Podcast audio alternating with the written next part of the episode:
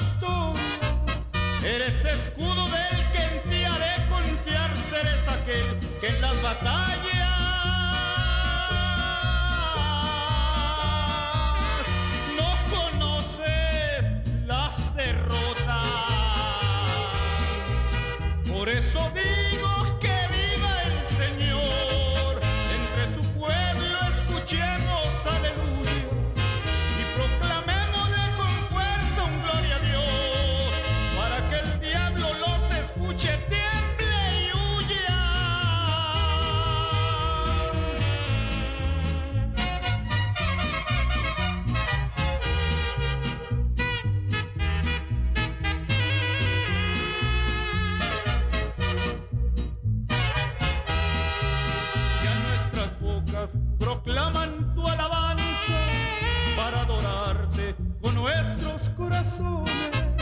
para decirte bienvenido seas eterno, Rey de Reyes, tú eres santo.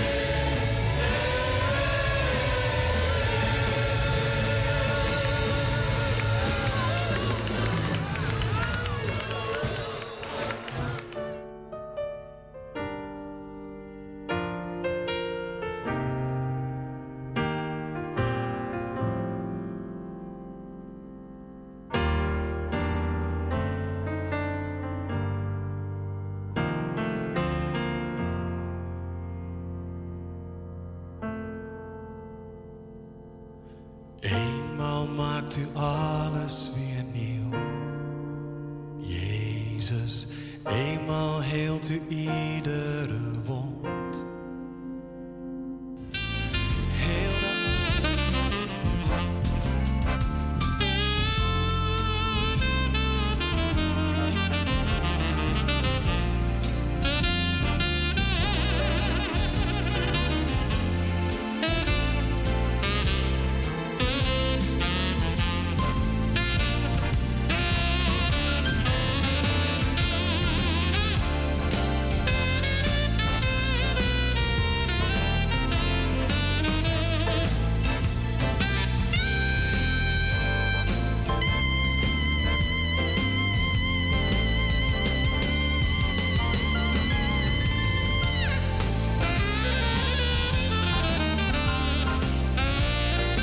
It's a really big problem these days. And I am in the middle of this situation, and they are told me you have to back your country because if you are not a really true believer, it's no problem for you in your country. Well, what will happen to you, Elmira, if you're deported and forced to return to Iran? Uh, now that you're a Christian, you're no longer a Muslim, you're considered an infidel. U luistert naar Gospel Radio Parousia. Goedemorgen. Hartelijk welkom. We zijn tot de klok van 9 uur. We gaan een zegen vragen voor deze dag. Heer, we dragen de dag aan u op. We geloven weer in kracht, in leiding. Verheerlijk uw naam. Zegenen ieder die luistert in Jezus' naam. Amen. Amen. Ik laat u even een Iraanse vrouw horen. Ze is christen. Ze is een echte christen. Maar ze in Zweden. En Zweden, die wil haar terugsturen naar Iran. En, en ze vragen, wat gaat er gebeuren met je als ze je naar Iran terugsturen? Want Zweden wil niet geloven dat ze christen is. Ze zeggen, nee, je doet het alleen om te vluchten. Dus als je christen bent, kan je gewoon als christen leven in Iran. Maar Iraniërs, Iran die hangt mensen op, hè. Dus, um, dus nu willen ze haar terugsturen. Ik laat u een gedeelte, een ge- klein gedeelte horen. It's no problem for you in your country. Well, what will happen to you, Elmira, if you're deported and forced to return to Iran? Uh, now that you're a Christian, you're no longer a Muslim, you're considered an infidel.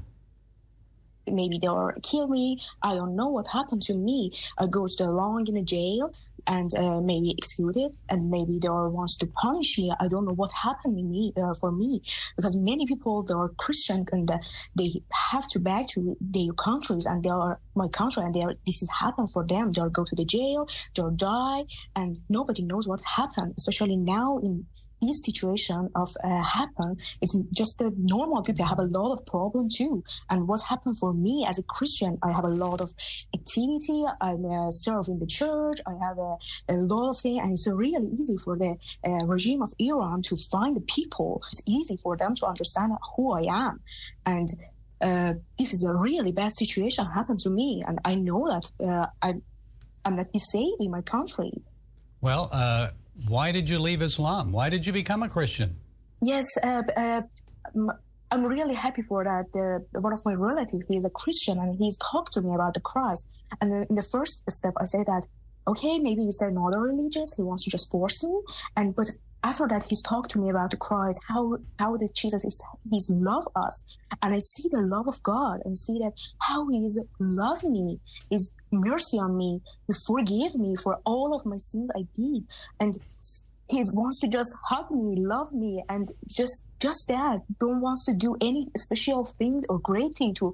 He love you a little more. He loves you as you are, and and I'm I'm unique in his eyes too, and he's changed my heart, my behavior, my ethic, everything changed on me. I'm I'm another person after I believe the Christ. I received a lot of miracle. I received a lot of vision about the God, a dream about uh, the Jesus, and I said that, oh my God, this is my God. This had to be my God, and and the whole of my life, in, I'm standing in a really wrong way. And I, now I'm really grateful to have him as my God and as my Savior. And why I'm not being served to other people, I have to tell the other people to they are saved too. They they are feel that feeling I have now. I'm grateful for that. But I'm a, I have a joy. I have a peace. So, how much time do you have? When did they say they'll send you back? they didn't give me a special time to um, I have to back, but the problem is that I don't know what happened for my future, and I don't know uh, when I have to go back. But I know that my God has changed everything, and I'm here to just say that it's not righteousness. I to just back me like this, like they know that they'll kill me, and but they'll say that so much easy these words to me. Okay, well, uh, our viewers, I'm sure, will be praying for you. Keep us posted. Iranian Christian mm-hmm. Elmira Tarabi, hoping to remain in Sweden, a country that, by the way, wants to join NATO. So thank you for sharing your story with us. We appreciate it.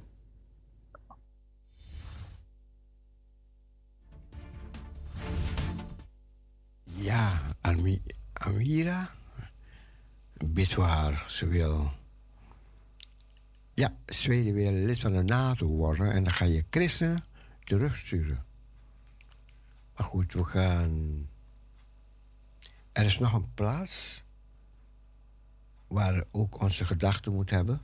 En dat is India. India is op het ogenblik erg voor de christenen. Christenvervolging.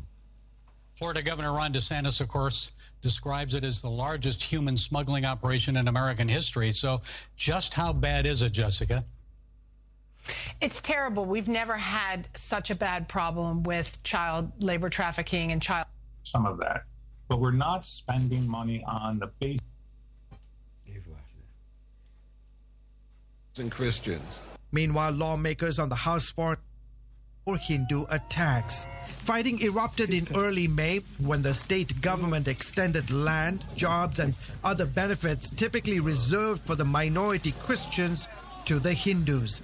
The decision led to some of the worst fighting between the two biggest tribes in the state. Human rights and religious freedom experts accuse Modi's government of pushing a radical ideology that believes India is for Hindus only, despite its pluralistic and diverse society. This political movement is essentially saying India is your homeland, but it must also be your holy land.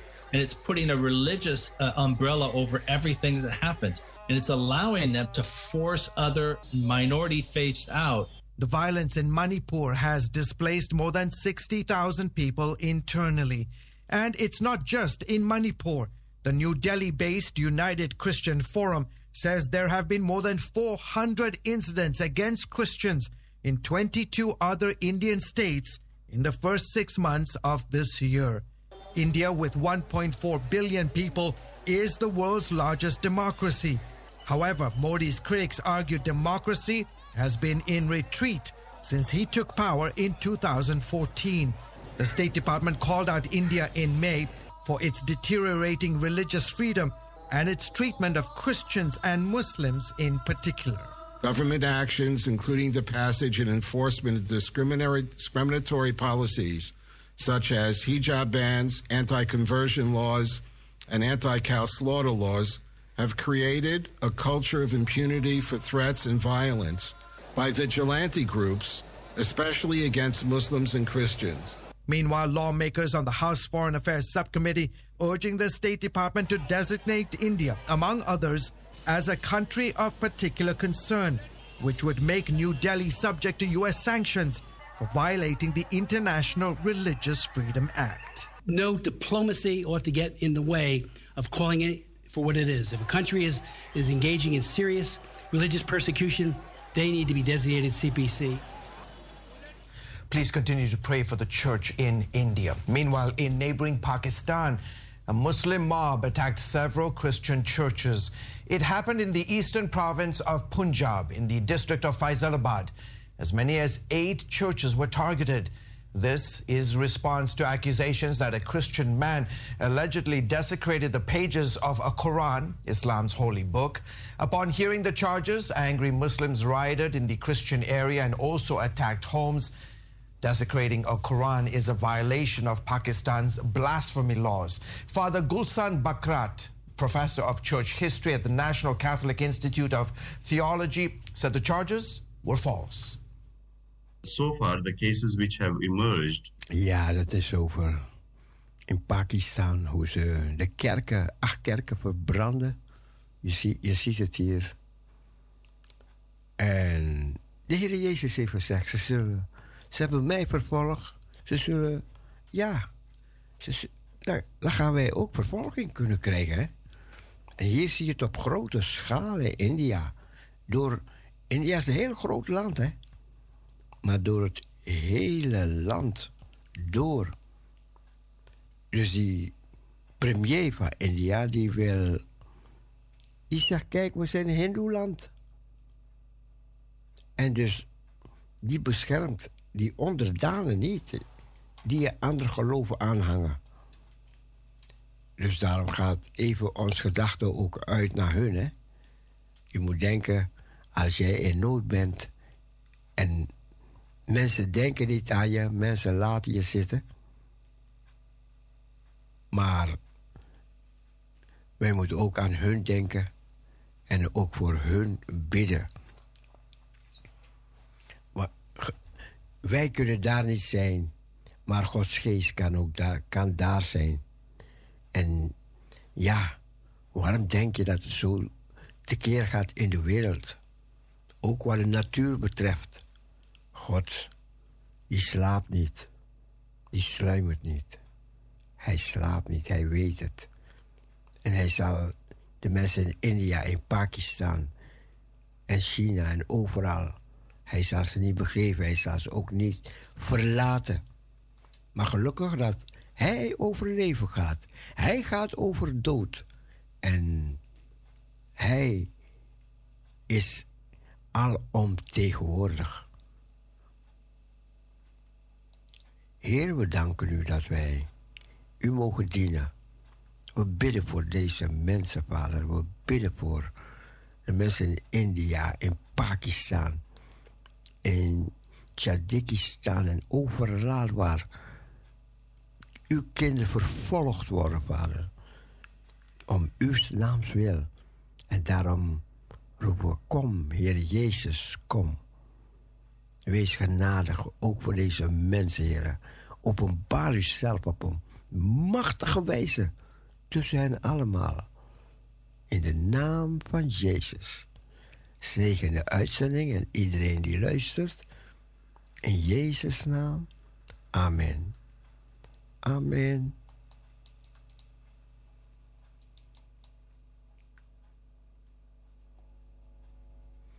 Ja, wanneer je deze dingen ziet, dan je aan het hart. Als je kijkt in wat er gebeurt in Haiti. Er zijn weer 30 mensen zijn omgekomen door onlusten daar. 30.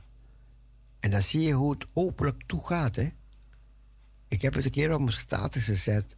Het is verschrikkelijk, maar het is goed dat we soms geconfronteerd worden wat er gebeurt in een ander land. Weet je, en dan mag je blij wezen en dankbaar wezen voor je boterham. Wat je krijgt elke dag. Een dak over je hoofd. Je bescherming, je vrijheid. Nou, als je dat daar ziet in Haiti. Het is mensenonterend. Het is heel erg, heel erg. Het is verschrikkelijk. Maar goed. Ja, erg hè. Je wordt wakker en dan word je met zulke dingen geconfronteerd. Maar ja, het is ver van je bed. Maar het, is, het zijn dingen die we moeten weten, hè. Dat om de naam van Jezus duizenden mensen vervolgd worden.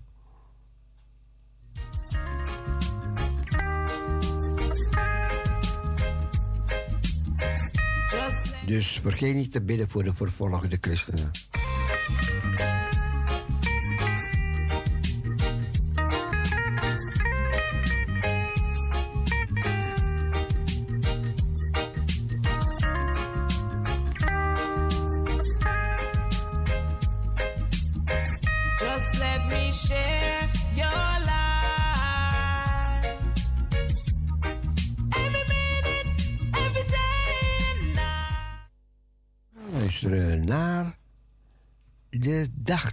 Van vandaag. De dagtekst, die komt eraan. Jesus loves everybody. Jezus houdt van iedereen. Hij wil dat niemand verloren gaat. Maar hij wil dat we tot erkentenis der waarheid komen. Jezus, de Christus. De dagtekst, daar gaan we nu naar luisteren.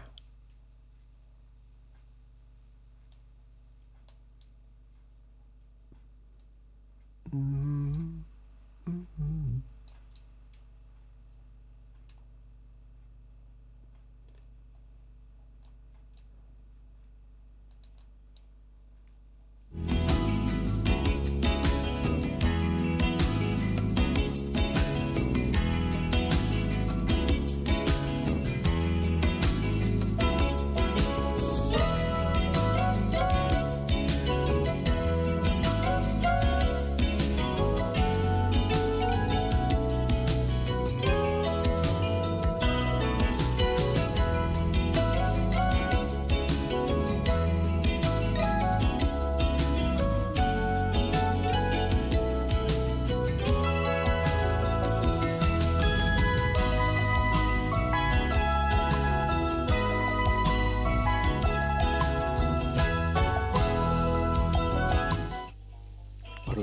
goedemorgen. Goedemorgen, broeder Cecile. Goedemorgen. Good morning. Good morning, Ja. my dear sister. Gramorgo. Ja. ja. Ja, broeder Cecile. We zijn wakker. We danken God voor de nachtrust en de nieuwe dag die hij gemaakt heeft. Ja. Ja, broeder Cecile. We prijzen, we loven, aanbidden hem. Ja, want hij is de Alpha en de Omega. Hij is overal, overal in de hele wereld. Broeder Cecile, want ik heb uw gesprek gehoord. Hij is overal in de hele wereld en hij hoort. We ons nergens druk over te maken. Want hij zorgt zo goed voor u. Hij zal zorgen dat ze die mensen dan niet terugsturen naar hun land. Ja, broeder Cecile. Want hij, heeft, eh, hij is een God die alle gebeden verhoort. Ja, Ja, ik hoor u, ja. ja. Nou, Cecile, dan gaan we lezen. Ja. Ja, vandaag is een eh, 19 augustus. Ja. De dagtekst is gehaald uit Jeremia 12, vers 3. Heer, u kent mij. U ziet mij. U doorgrondt mijn hart. Heer, u kent mij. U ziet mij. U doorgrondt mijn hart. Jeremia 12, vers 3. En uit Efezië 4, vers 15.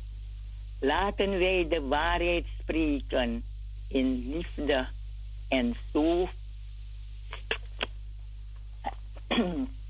en zo volledig naar Christus toe groeien. Hij is het hoofd. Laten wij de waarheid spreken in liefde en zo volledig naar Christus toe groeien. Hij is het hoofd. Efezië 4, vers 15. En een liedvers. Doorgrond mijn hart en ken mijn weg, o Heer. Beproef me en zie wat niet is tot uw eer. Is soms de weg, dit gaat niet goed voor mij. Leid me op de eeuwige weg. Heer, maak mij vrij. Ja, broeder Cecile, dat was de dagtekst, de leertekst en een bijbehorend lied. Broeder. En dit lied dat staat in uh, opwekking 222. Kunt u het alstublieft afdraaien voor iedereen die op luisteren zit. Ja.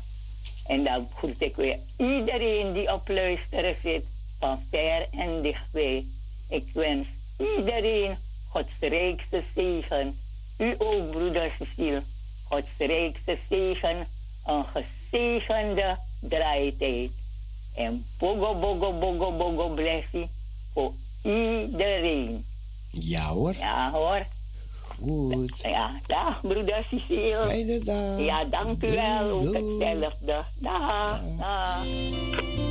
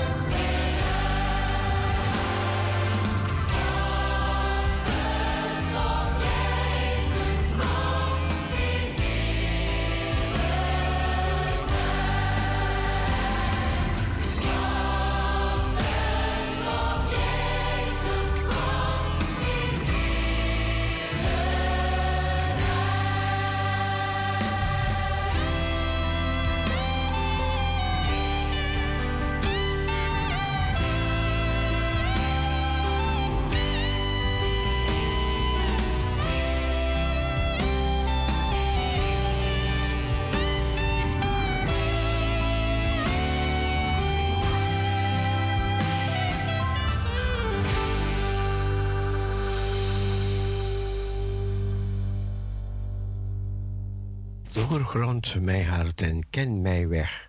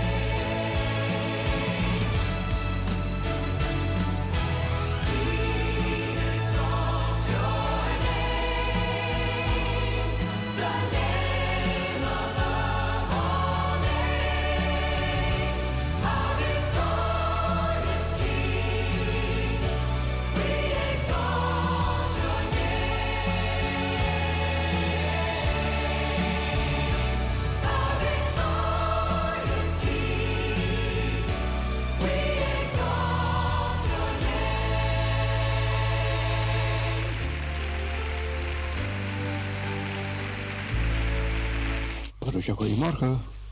Goedemorgen, broeder Cecile. Gezegende ochtend. Dank Met, Hil- met Hillegonda. Hele gonda, goedemorgen. Ik wil wat vragen. Dat lied wat u hier voor hebt gedraaid, is het die tune van Min? ik, ik, Nee? Ik zou het niet meer weten hoor. Oh, want, want nu heb ik deze, maar daarvoor. Ehm, even kijken, daarvoor, wat ik daarvoor gedaan heb. Ik weet, eh, eh, eh, want altijd wordt die tune gedraaid, maar dat lied is gezongen net als die tune van, Van. Ja, dus ja. ik dacht, is, is het ook op een lied of is het gewoon die Nee, het tune? is, het is een lied, het is een lied. Oh, die tune is een lied. Het is een lied, ja. Oh, het is gewoon dan. instrumentaal gedraaid. Oké dan. Ja. Want ik luisterde en ik denk, oh, dat volgens mij, ik moet het eerst vragen. Het kan, het kan, het kan. maar ja, ik, ik heb zoveel liedjes in gedachten, dat dan moet ik het even zoeken. Hè. Maar ik ga dat liedje draaien, ik ga de woorden ervan draaien. Oh, Ik ga dat liedje draaien. Ja, dankjewel, dan hoor ik het. Ja. Ja, en, en groetjes aan die kinderen. En ik heb, ik heb u gisteren weer herhaald, uw herhaling gehoord. Ja. Ja, ja, ja. Ja, fijn. Ja. Ja hoor. Ja. Nog een gezegende dag verder. Dank u, dank u. God bless you. Thank you, man. Oké. God Yes, bless. Doei, doei. Ja, ik ga dat liedje draaien. Even kijken.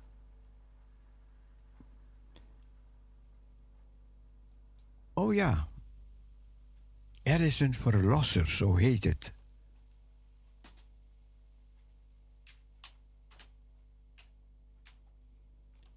Er is een verlosser, Jezus, de Zoon van God.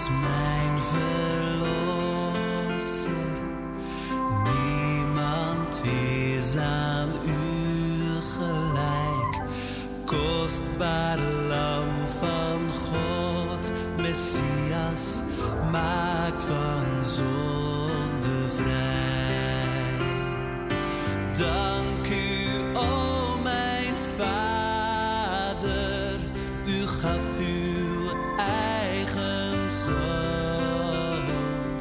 Uw geest als hulp voor ons, totdat het werk op aarde is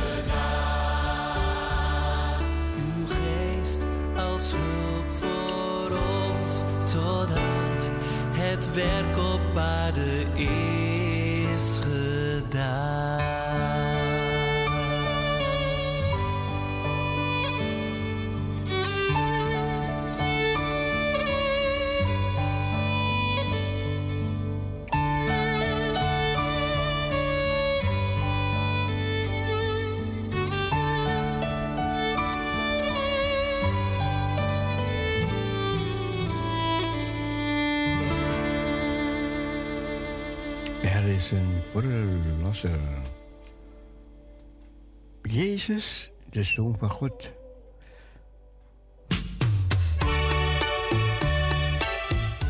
We gaan zo meteen gaan we luisteren naar een woord. En dan gaan we weer leren. Ik ga een buitenlandse spreker laten spreken vanmorgen. Ja, dat ga ik doen, ga ik doen. Even horen hoe zij het evangelie ondergaan hebben. Hoe zij het evangelie verkondigen. Hoe zij het evangelie ook naar ons terugbrengen. Het evangelie van Jezus Christus.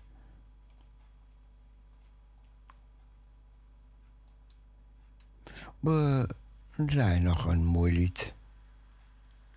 Moet ik gaan met lege handen, zo mijn heiland tegemoet.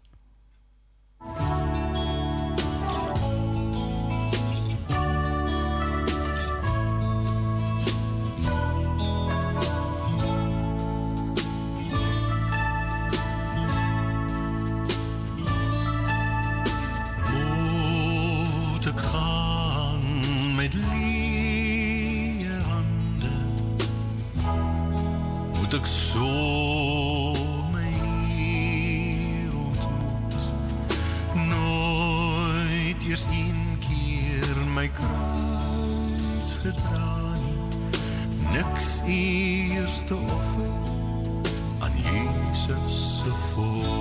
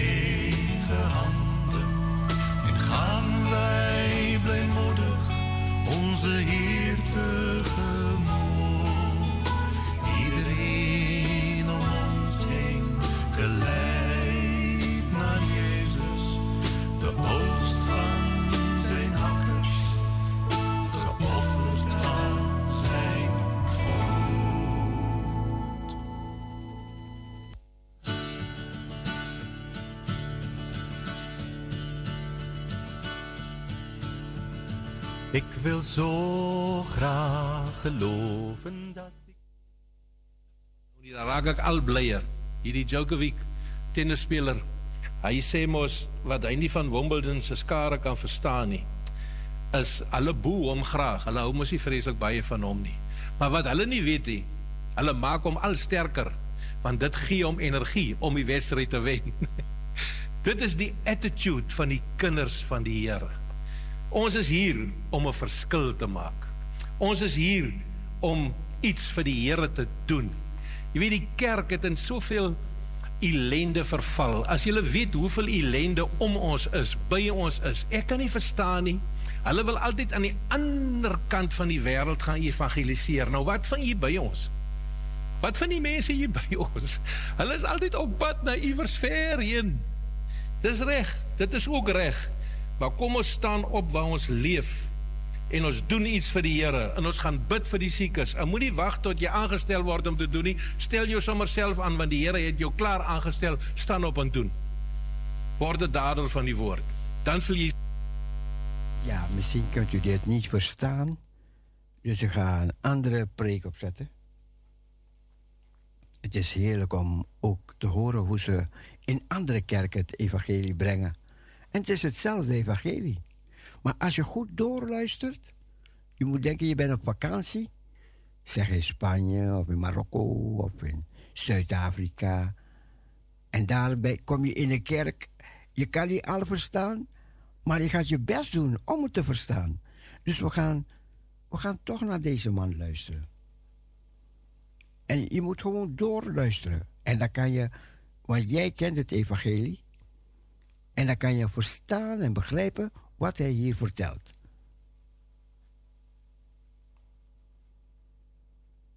die Here gaan werk en jy gaan verbaas wees vir dit wat die doen.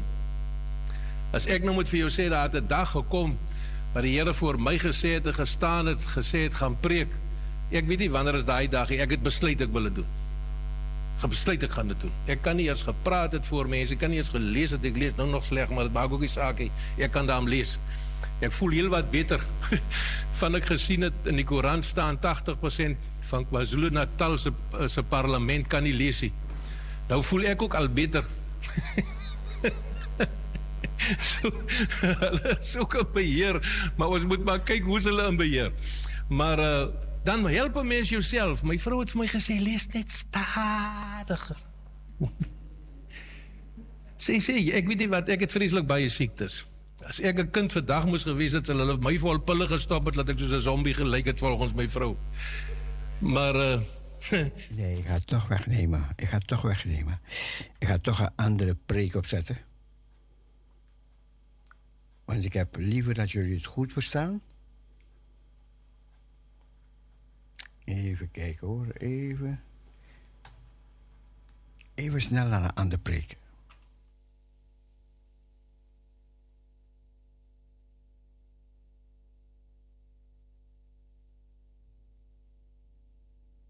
Even kijken. Momentje hoor. Moment maar.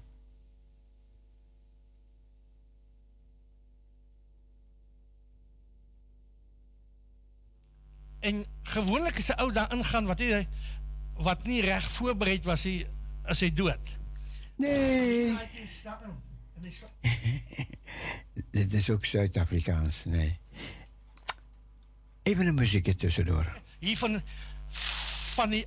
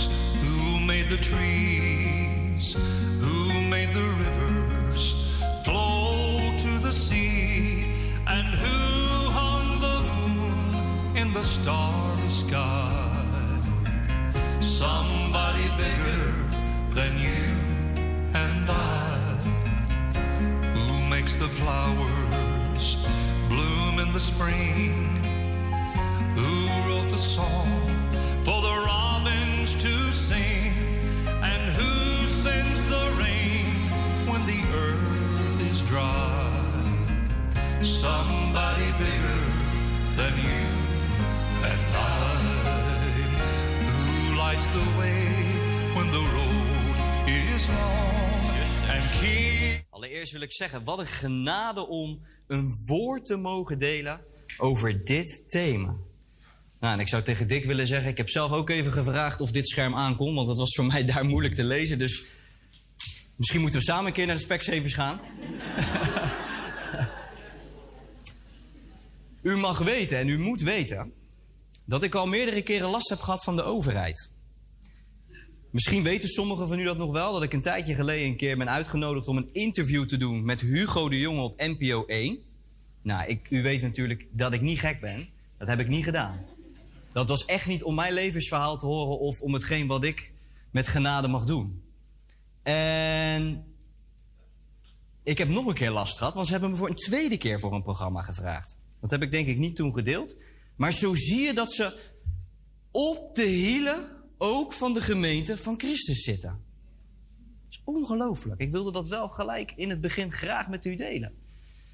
Met wie had de Heer Jezus de meeste problemen? Ik hoor het al, ja.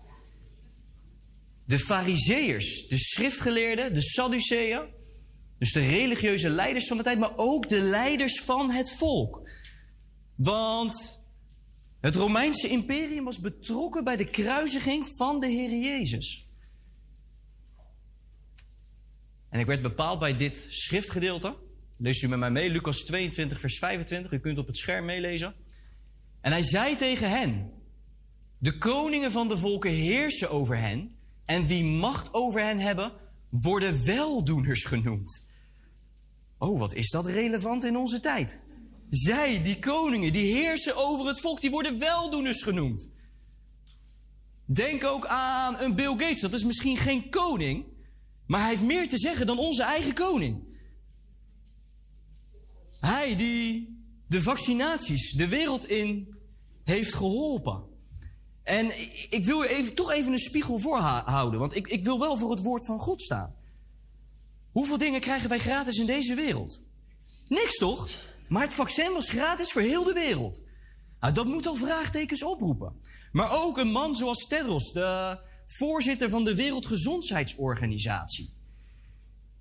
Die geprezen wordt door alle naties. Maar wat ze even vergeten is dat hij in zijn eigen land Ethiopië heel veel aanklachten tegen hem gericht zijn. Nou, en de Heere zegt dan, want de discipelen kwamen naar hem toe en die vroegen van, Heere, wie van ons komt het meeste eer toe? En toen zei de Heere, laat de belangrijkste worden als de jongste en laat degene wie leiding geven, laat hen worden als dienaren. En ik denk dat ook voor ons als gemeente van Christus dat de juiste instelling is. Dat op het moment dat ik hier vandaag een woord mag delen met zijn genade, dat ik tegelijkertijd ook een dienaar ben geworden van u. Want we zijn allemaal gelijk in het lichaam van Christus. Nou, ik ga deze punten skippen, omdat we al heel veel hierover gehoord hebben. En ik ken mezelf een beetje. Ik ga anders ook in tijdnood komen. En ik wil wel dat er dadelijk genoeg tijd over is voor bemoediging. Nou, heel even kort. Onze christelijke wandel en de huidige overheden. Dus welke overheden zijn er in Nederland? We hebben het al even kort gehoord. Dus de lokale overheden. Denk aan de gemeenten die ook eigen wetten en regels mogen implementeren. Onafhankelijk van de overheid. Dus we hebben regionale overheden zoals provincies en waterschappen. We hebben de landelijke overheid. Denk aan de Rijksoverheid. Waar we vaak op kijken op de website van de Rijksoverheid. Als we iets willen weten. Nou, het verschil is duidelijk. Dat hebben we net ook al gehoord. Maar waar het hier om gaat is, maar dient de overheid het nationaal belang? En dienen zij boven alles de wetten van God? Zoals de broeder vanmiddag vanmorgen zei. Dat dit is onze hemelse grondwet. En dat staat boven alles. Laten we met elkaar lezen. 1 Timotheus, hoofdstuk 2, vers 1 tot en met 4. Want we hebben net ook van de andere broeder gehoord dat boven onze eigen overheid in Den Haag staat ook weer de Europese overheid in Brussel. En u zult dat vast wel weten, dat dat gebouw ook de vrouw op het beest voor de ingang heeft staan. En ook het parlementsgebouw in Strasbourg ziet eruit als de toren van Babel. Nou, dat mag al heel veel vraagtekens oproepen.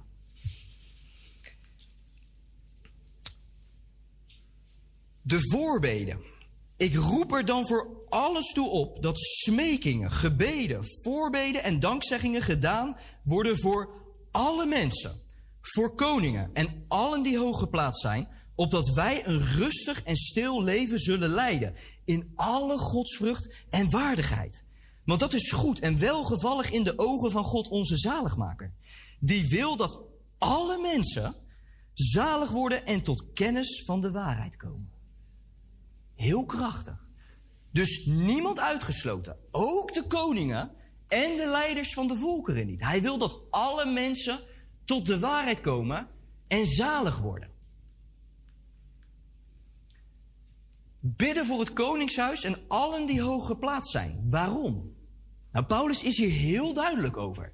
Opdat wij een rustig en stil leven zullen leiden in alle godsvrucht en waardigheid. Dus de apostel Paulus, die natuurlijk geïnspireerd was door de geest van God, die zei dit omdat hij wist dat er ook vervolging vanuit de overheid kon en zou komen. Hij maakte het zelf in zijn tijd ook mee. Denk aan het Romeinse imperium, wat toen heerste, keizer Nero, die ervoor zorgde dat christenen bruut werden vervolgd, die verbrand werden. Denk ook aan de contra-reformatie, wat kwam vanuit het Romeinse imperium vanuit het Rooms-Katholicisme. Dus hij zegt dit opdat wij rustig en stil kunnen leven. En dat wij de ruimte hebben om vooral godvruchtig te leven. Zodat wij het zaligmakende evangelie aan Nederland kunnen doorvertellen. Nou, u mag dus bidden voor de koning en hoge plaatsen. U mag bidden voor meneer Rutte. U mag bidden voor de partij D666. Ik ben het helemaal eens met onze broeder. De D kunnen we trouwens ook vormen in een 6, hè? wist u dat? Dus het is ook echt 666. Nou, als we kijken naar de standpunten, dan is het natuurlijk helemaal 666. Nou, want de Heer Jezus die wil dat wij allen tot de waarheid komen. Er werd laatst aan mij gevraagd, en ik ga echt ook mijn hart laten spreken. En dat is gewaagd. Het is een moeilijk thema vandaag. Ja, toen mij gevraagd werd om met Hugo de Jonge een interview aan te gaan op de televisie, toen heb ik ook gezegd, als jullie weten wie ik ben, dan gaan jullie maar online video's terugkijken. Want dat is waar ik voor sta. Daar heb ik de televisie niet voor nodig. Want television betekent letterlijk vertel een visie. En programma betekent programming, dus programmeren. Dus de televisie, een televisieprogramma moet ik zeggen, is niks anders dan het vertellen van een visie om de mensen te programmeren. En dat is wat we de laatste jaren nadrukkelijk gezien hebben. En daar heb ik als jongeman ook van staan te kijken hoor. Ik wist al wel langer dat er corruptie in de wereld was, maar dat het zo ernstig was en dat de mainstream media daar zo erg voor gebruikt werd, ja, toen werd ik ook even met mijn neus op de feiten gedrukt. Maar er werd mij dus laatst gevraagd, Kenneth, bid jij voor de overheden? Toen zei ik, ja, maar ik bid niet ten goede voor dit volk.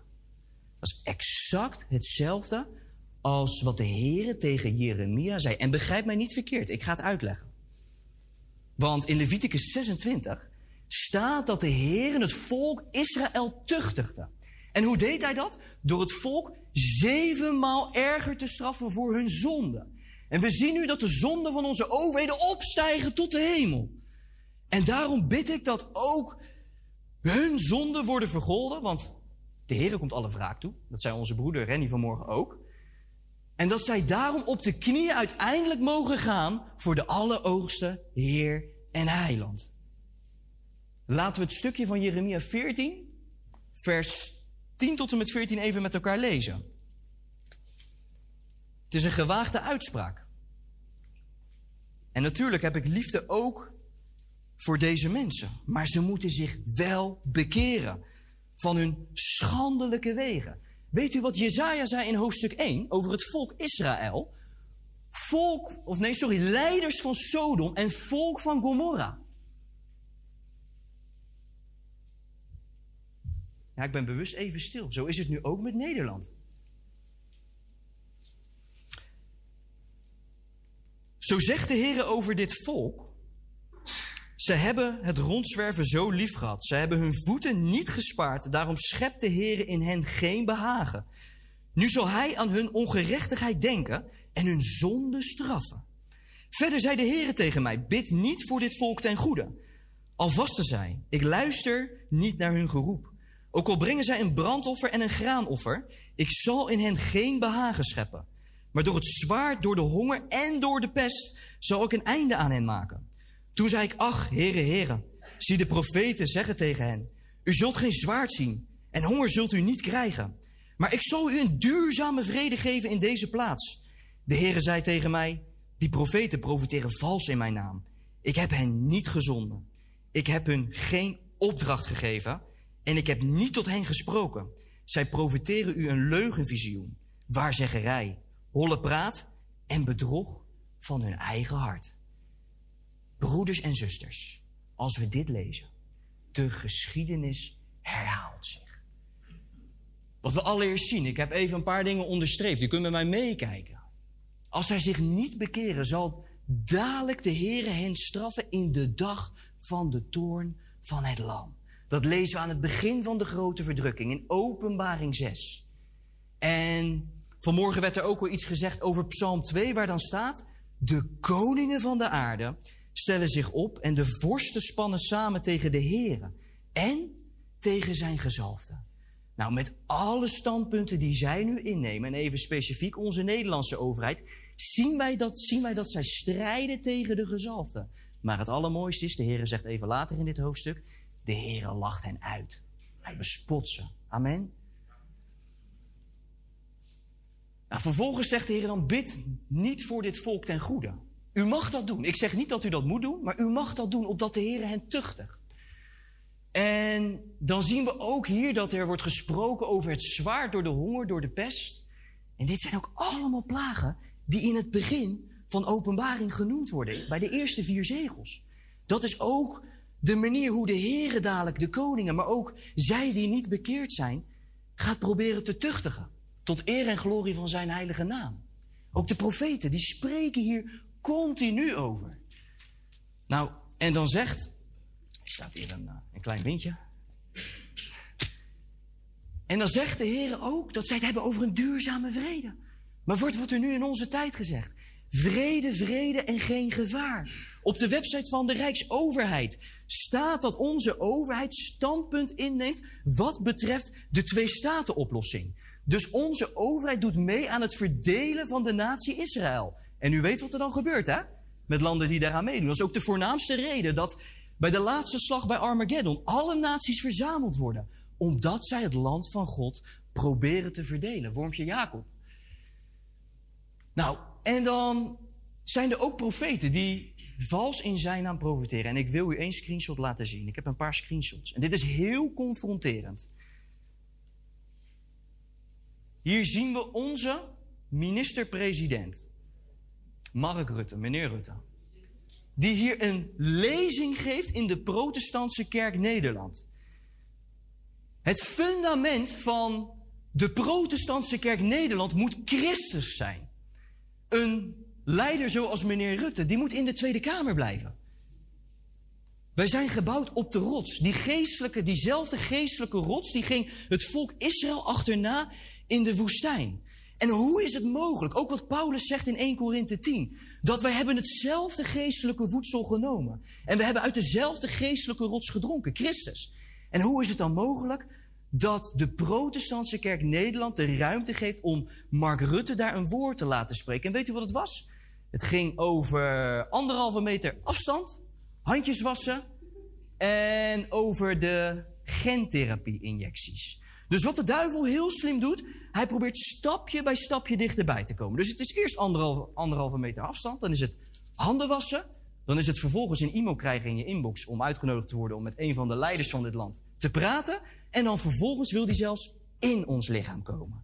Door middel van een injectie, stapje bij stapje, probeert hij dichter bij de gemeente van Christus te komen. Maar ook hier, en dit is, dit is geen makkelijke boodschap, maar hier zien we meneer Rutte, meneer, of ja, meneer of mevrouw, het, is mevrouw Kaag. koningin Maxima. Ja, of misschien wil zij ook wel het genoemd worden. Ik vond het een hele scherpe opmerking net van de broeder. Ja, dan moeten we allemaal met een, met een, met een lange broek en een jurk komen. Ja, zij willen dat. Nou, en dan koningin Maxima en meneer Klaus Schwab. Nou, die kennen we inmiddels denk ik allemaal van de World Economic Forum. Dus wij zien dat zij samen scholen met dit soort exclusieve clubben. Laten we dan even kijken waar koningin Maxima is geweest in mei 2020. Dus de foto die u net heeft gezien was een samenkomst in 2019, vlak voordat corona naar Nederland kwam, naar Europa. We zien dus hier dat zij afgelopen mei in Zwitserland is geweest, in Davos. En daar heeft zij gesproken over het financiële systeem digitaliseren. Hè, dat gaat naar de één wereldmunt. Maar laten we even met elkaar kijken waar het World Economic Forum voor staat. Ik heb zeven standpunten uitgewerkt en dit is allemaal van hun website. Ik ga ze kort en krachtig benoemen.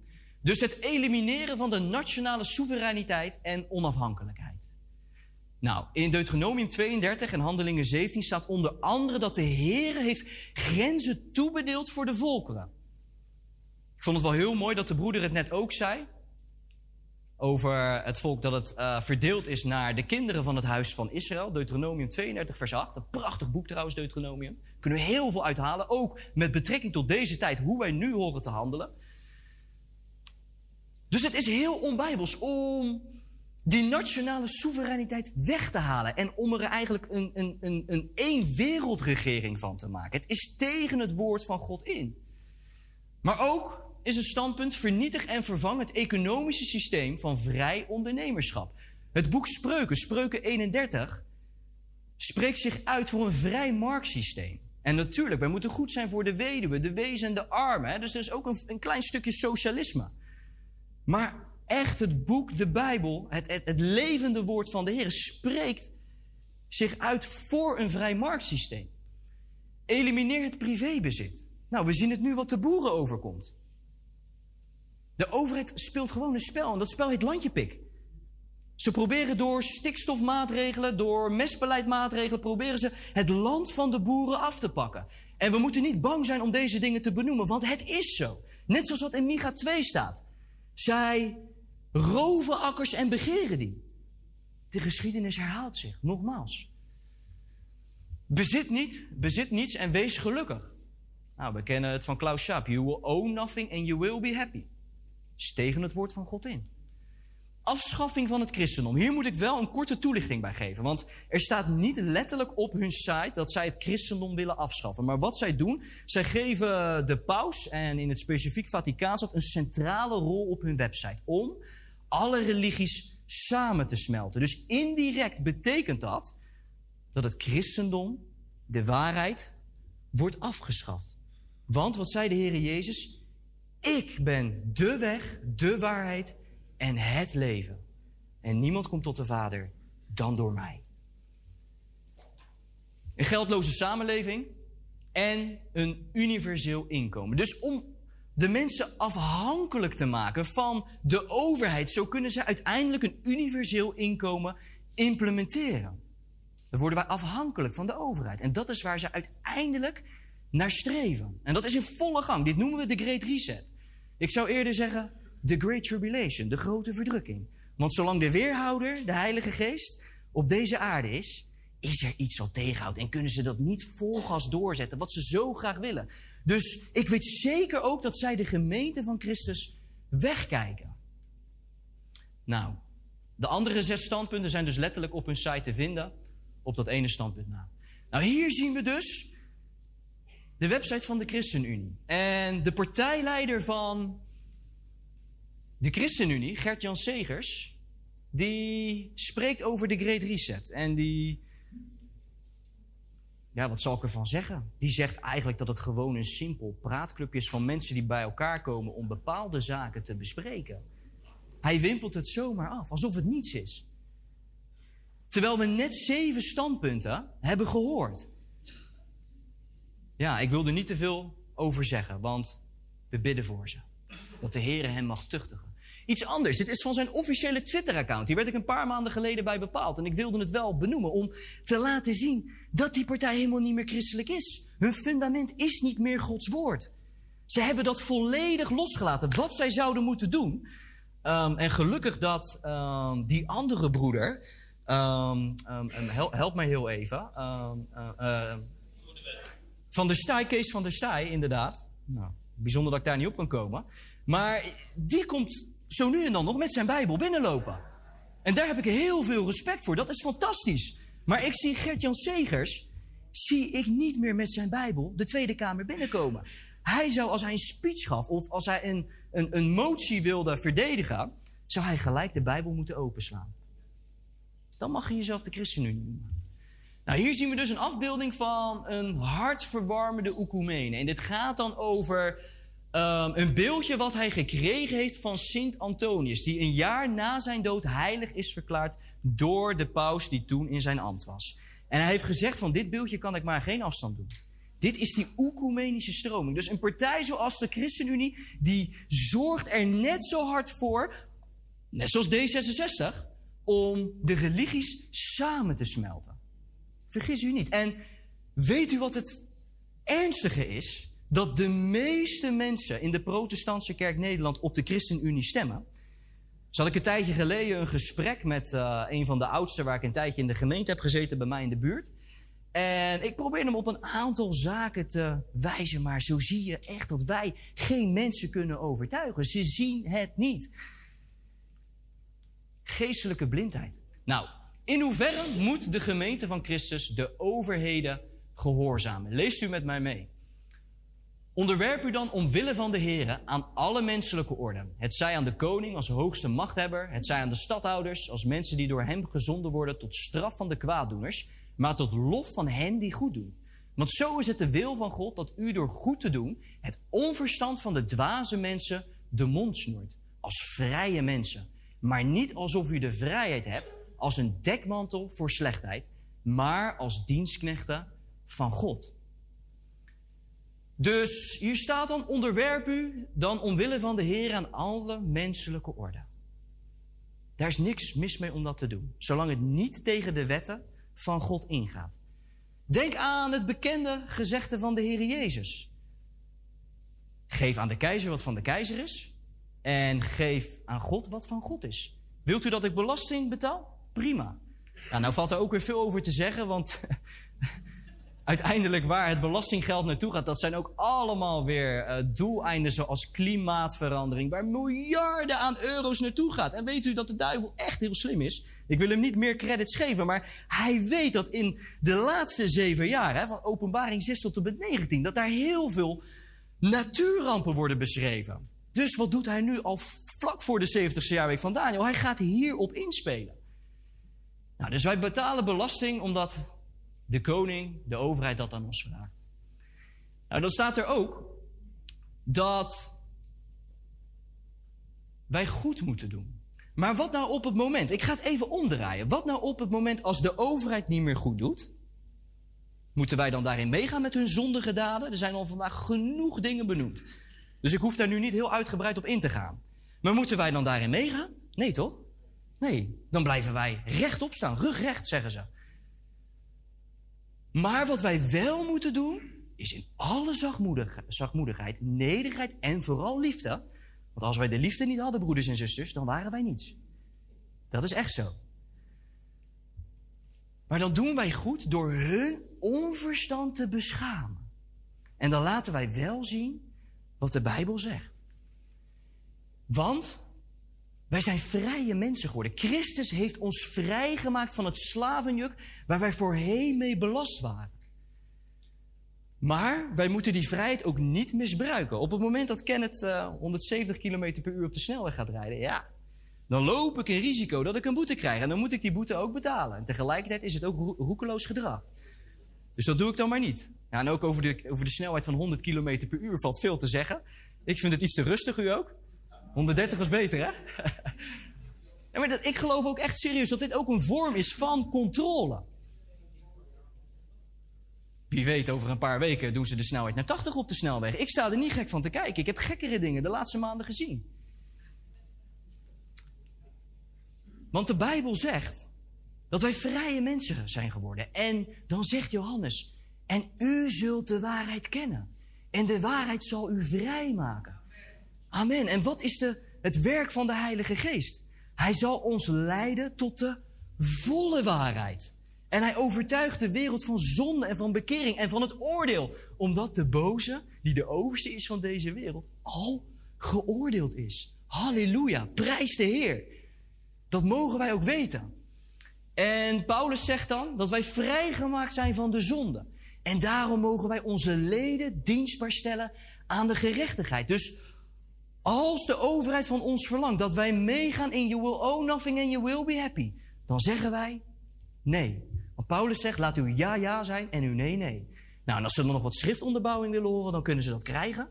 En wat ik net fantastisch vond van de andere broeder, is dat wij altijd met het woord onszelf, maar ook onze broeders en zusters mogen verdedigen. Ik zei laatst ook een keer op het moment dat ik in de supermarkt aangesproken word als ik geen mondkapje op heb. Ja, ik kan dat niet in geloof doen, dus ik doe het ook niet. Heb ik heel veel gesprekken gehad daardoor. Maar dan kwam ik altijd met een Bijbeltekst. Weg waren ze. Op het moment dat je het evangelie deelt, dan willen de mensen vanzelf al niet horen. En, en dan heb je rust. Dus dat is fantastisch. Dat wil ik u meegeven. Want ik, ik, ik denk dat wij onze, onze klok erop kunnen zetten. Dat die mondkapjes weer terugkomen. Nou, en Paulus zegt dan ook in 2 Korinthe 6... wij ehm, hebben aan onze linkerzijde en aan onze rechterzijde... de wapens van de gerechtigheid. En vooral het woord van God. En de liefde en de zachtmoedigheid. Want we zijn wel bewogen met alle mensen. U denkt toch zeker niet dat ik boos werd op het moment dat iemand mij aansprak? Ja, daar moest ik mezelf wel in trainen. Want dat is toch een stukje... Ja, Johannes en Jacobus werden de vurige gebroeders genoemd. En, en af en toe kan ik dat ook in me hebben. Dus daar moet ik mezelf in trainen dat ik altijd heel rustig blijf. Want dat is wel wat de Bijbel echt van ons verlangt. Dat is die christelijke levenszonde die wij aan Nederland en onze naasten moeten laten zien.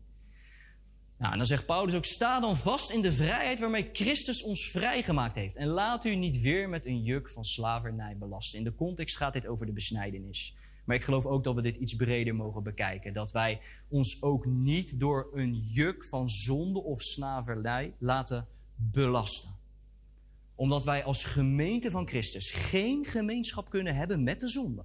En dat is ook het probleem nu in kerkelijk Nederland. Dat is dat er week in, week uit fundamenteel zonde voorkomt in de gemeente van Christus. Structureel komt er zonde voor. En dat is waar het ook misgaat. En als dat gebeurt, ontstaat er, ontstaan er scheuringen en verdeeldheid. En dat zien we helaas in veel gemeenten. Omdat ook Renny zei het ook, voorgangers of dominees nemen geen standpunt meer in. En dat is wel nodig in deze tijd. Dadelijk komen we op wat voorbeelden. Nou, Titus 3 spreekt dan ook over de overheid. En wat daar dan staat is dat wij onderdanig aan de overheid moeten zijn en gehoorzaam. Maar wat staat er dan in vers 1? Tot elk goed werk geschikt. Maar op het moment dat de overheid ons dingen oplegt, waardoor wij geen goed werk meer kunnen doen, kunnen wij deze waarheid weer omdraaien. En dan is het ook wat Titus zegt: belaster niemand, wees niet strijdlustig. Maar strijd wel de goede strijd van het geloof.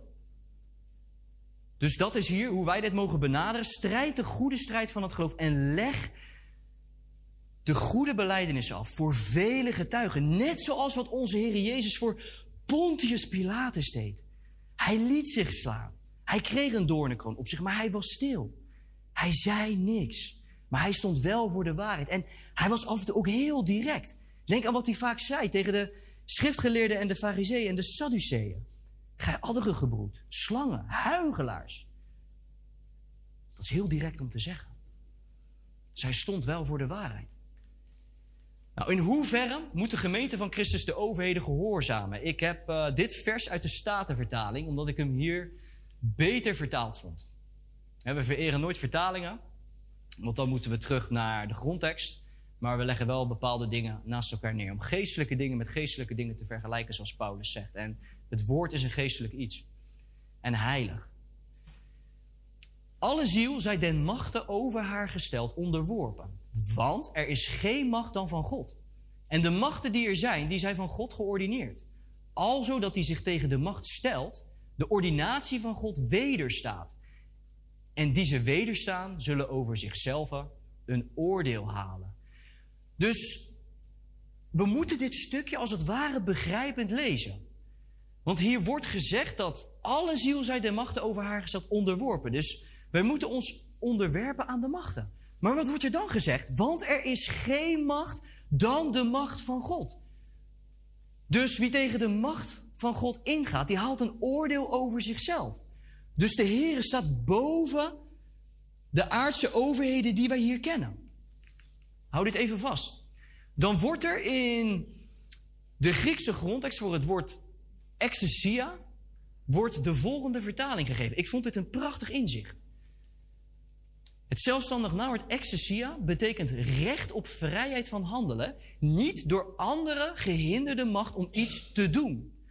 Dus wat onze overheden de laatste twee jaar hebben gedaan, en vooral in de periode van de lockdown, daar hebben zij ons wetten en geboden opgedrongen om vervolgens de vrijheid van handelen te beperken. Terwijl eigenlijk de Griekse grondtekst ons het inzicht geeft dat dat nooit en te nimmer mag gebeuren.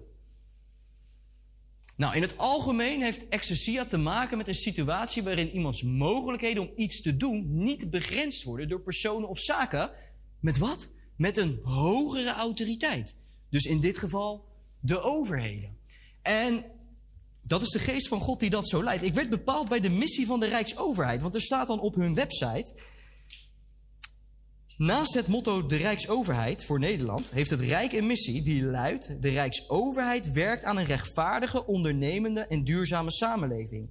In onze democratische rechtsstaat is het belangrijk dat mensen en maatschappelijke organisaties zich in vrijheid en veiligheid kunnen voortbrengen. Ze spreken hun eigen missie tegen op het moment dat zij dadelijk weer die QR-code gaan invoeren. Wat ze dan gaan zeggen weer is: u moet gevaccineerd zijn om deel te mogen nemen aan de samenleving. Albert Heijn heeft al duizenden palen ingekocht. Om dadelijk, als de tijd rijp is, als de gemeente er nog is, maar vervolging gaat toenemen, broeders en zusters. Om dan dadelijk met het telefoontje de QR-code te laten zien en dan mogen wij vervolgens de supermarkt in. Het staat allemaal klaar. Wees u daar alstublieft bewust van dat u uzelf dagelijks wapent met de geestelijke wapenrusting God uit Efeze 6, maar ook dat wij onze leden dienstbaar stellen aan de gerechtigheid. Hou hier echt rekening mee. Nou, en dan lezen we ook in Daniel 2 dat de Heere zet koningen, die, die stelt koningen aan en zet koningen af. Dus ook dit is diepgaand. Onze huidige overheden zijn door God geordineerd. Maar waarom dan, Kenneth? Ik wil met u kijken naar onder andere Deuteronomium, hoofdstuk 13. Blader alsjeblieft even met mij mee.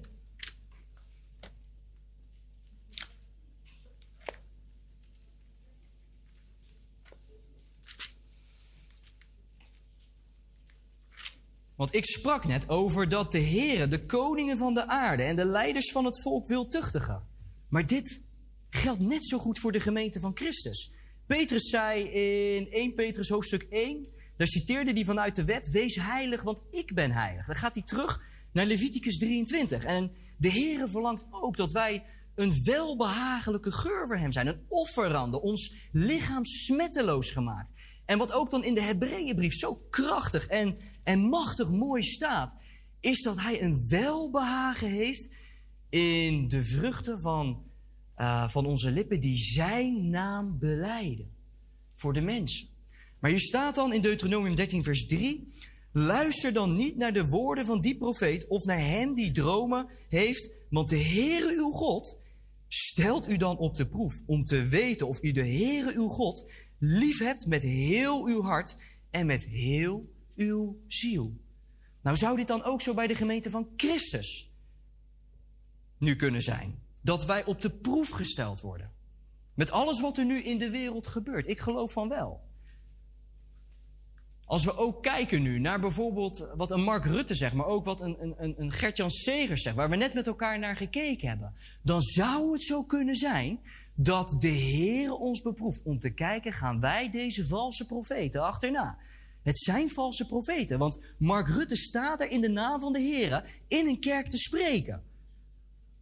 Ik hoop niet dat ik hiermee aanstoot geef dat ik dat zeg, maar ik moet voor het woord van God staan. De, de Bijbel zegt dat dit valse profeten zijn. Denk ook aan het voorbeeld in Exodus. De Heere kan de harten van de koningen verharden. Net zoals bij de farao in Egypte. Maar de farao werd uiteindelijk gebruikt om zijn majesteit te laten zien. Het was tot eer en glorie van zijn heilige naam.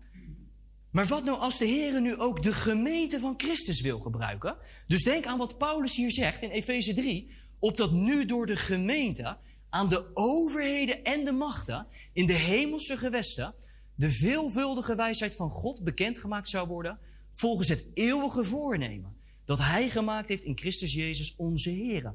Wat als de Heer nu de gemeente wil gebruiken om Zijn majesteit te laten zien, om te laten zien, kijk eens, wereld, dit is mijn volk, geheiligd door het bloed van het lam, apart gezet in de hemelse gewesten. Wij zijn al onderdeel geworden van het nieuwe Jeruzalem. Want door het wonder van de wedergeboorte zijn wij een nieuwe schepping geworden.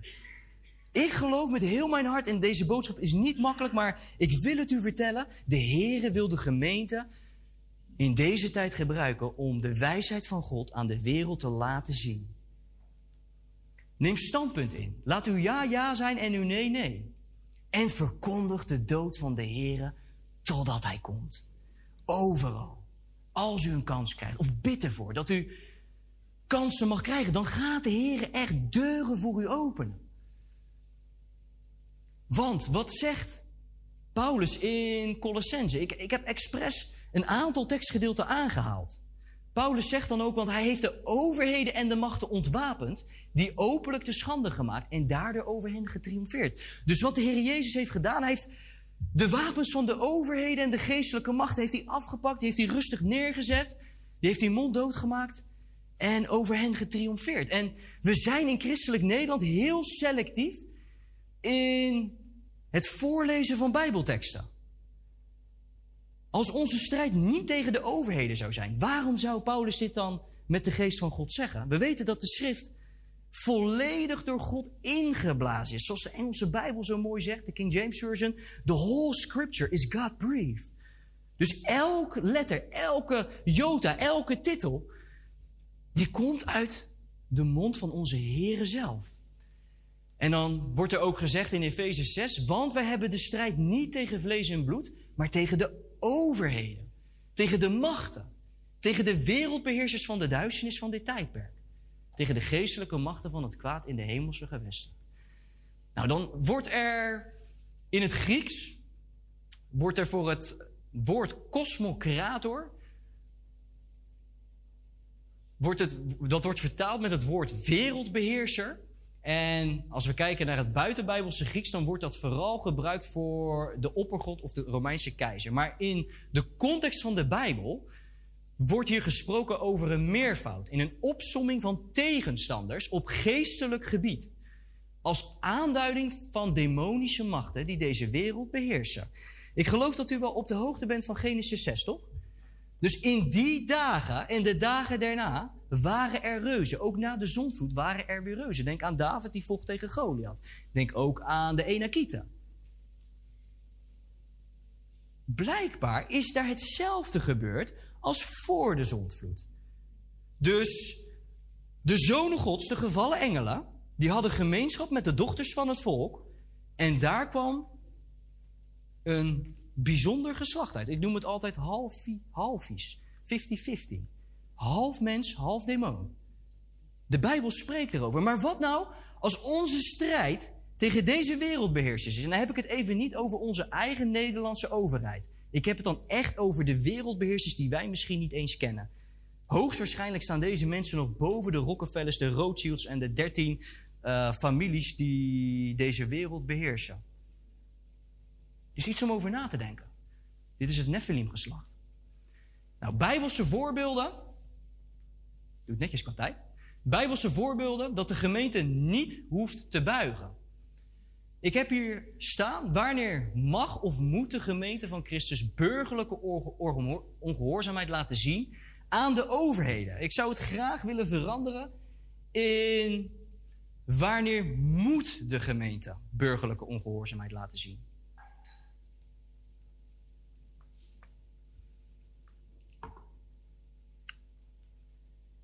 Allereerst, zoals eh, vandaag ook al vaak besproken is, als het tegen de wetten van God ingaat, tegen het hoogste gezag. Want er is geen gezag dan het gezag van God, nogmaals. Blijf op de Bijbelse belofte staan. Wees ongehoorzaam als het woord dat vraagt. Nou, dit voorbeeld is vandaag al een aantal keren benoemd, maar ook ik wil het even kort en krachtig benoemen. Denk aan Sadrach, Mesach en Abednego, de Joodse mannen. De broeder zei het net ook, ik vind het zo machtig mooi. Dat alle naties, talen, stammen en volken buigen, maar dat zij als enige blijven staan. Wat een getuigenis. Voor die mensen, maar ook voor ons nu. In deze tijd. Dit is zo'n groot getuigenis. Be- bedenk eens, lieve broeders en zusters, laten we het visualiseren met elkaar. Wij hebben een geestelijk protest, een geestelijke boodschap voor de overheden. Ik, ik noem maar even iets. Bijvoorbeeld in Den Haag, wij zijn daar. En heel veel mensen in Nederland komen daar naartoe. Honderdduizend man. En ineens besluiten honderdduizend man om daar te buigen voor de overheid. Want onze overheden komen daarheen met, met speakers en, en die bedreigen ons met de dood. En die, die, die, die verplichten ons dat wij moeten buigen. En dat alleen wij dan als gemeente van Christus blijven staan. Wat een getuigenis is dat voor die mensen die daar dan zijn. En dan, ja, ik denk niet dat het gaat gebeuren, maar als dat gebeurt, zijn er misschien ook wel mensen die toch ineens besluiten om op te staan. Zo kan dat werken. Dus wees een getuigenis. Maar ook Petrus en Johannes, wat zeiden zij in Handelingen 4? Tegen de leiders van het volk, de fariseeërs en de schriftgeleerden. Oordeel u zelf of het in uw ogen juist is meer naar, of meer, eh, ja, eh, meer naar u te luisteren of naar God. En wat werd er toen gezegd? Daar konden ze niet tegen ingaan. De toorn van de leiders van het volk en de fariseeërs en de schriftgeleerden stapelden daardoor op. Hè, want zij werden verboden dat zij zouden spreken over de naam van de Heer. Wat zij voornamelijk in die tijd deden. Het boek Handelingen staat vol met bekeer u, bekeer u. En steeds weer opnieuw verkondigden zij de dood en de opstanding van de Heer Jezus. Hier mogen wij een groot voorbeeld uit halen. Maar ook een hoofdstuk later, dan gaat het ineens over Petrus en alle apostelen. Daar zeggen ze allemaal, is het meer geoorloofd meer God te gehoorzamen of u? Daar houden ze weer die spiegel voor aan de leiders en de religieuze leiders van het volk. Denk ook aan Mordechai en Esther. Esther, die ging in tegen wat de wet zei. Want zij ging het binnenste voorhof binnen bij de koning, bij haar echtgenoot, Ahasveros. En dan was het maar de vraag of zij die gouden scepter zou krijgen. Want als zij die gouden scepter kreeg, dan mocht zij spreken met de koning. Daar nam zij een heel groot risico. Maar ze deed het wel voor haar volk, om haar volk te redden. En zo staan wij nu ook voor elkaar in als broeders en zusters. Er komt echt een periode aan dat wij elkaar ernstig moeten gaan helpen als de opname nog even uitblijft. Zowel financieel gezien als misschien elkaar opvangen. Omdat hè, de hypotheek niet meer betaald kan worden, de huur kan misschien niet meer betaald worden. Hou daar rekening mee. Maar ook Mordechai boog niet voor Haman. Haman had een hele hoge positie gekregen van koning Ahasveros. En zelfs zo hoog dat koning Ahasveros had gezegd dat het goed was als zij zouden buigen voor Haman. Maar Mordechai deed het niet. En toen ontstak Haman in woede tegen Mordechai. En even een paar versen later in Esther 3 lezen we dan weer dat hij niet buigt. En dan wordt die woede van Haman nog groter. En zelfs zo groot dat hij naar de koning gaat en dan krijgt hij het voor elkaar dat de koning ermee instemt dat alle Joden uitgeroeid moeten worden. Nou, dan komt koningin Esther. En wat zo mooi is, de naam van de Heer wordt in dit Bijbelboek niet genoemd, maar oh wat. Ja, tot zover het gedeelte uit dit woord. Bijzonder woord. Ik moet een verzoekje draaien nog voor de klok van 9 uur. voor een jarige.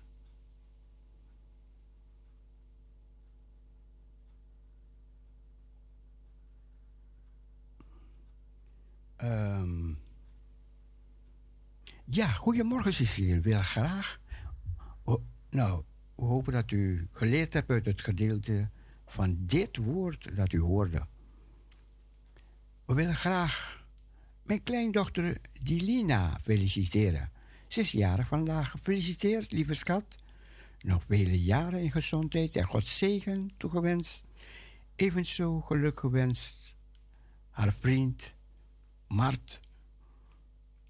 Ouders. Danny en Rina en broertjes. Ansiari. Mag ik het lied horen? Voor Diliana van Juanita Duplessis. Doe slechts uw wil, Heer. En het komt van Irene. Nou, we gaan het liedje draaien. Net voor de klok van 9 uur. En deze preek was bijna afgelopen. Net op het einde.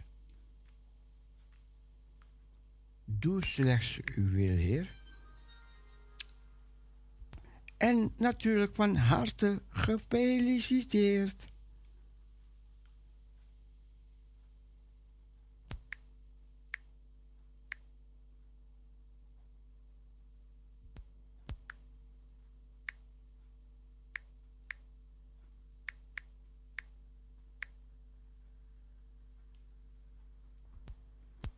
Geniet er nog even van.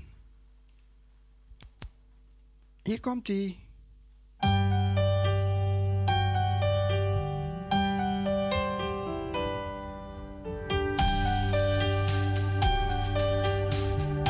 Speciaal voor Dilina.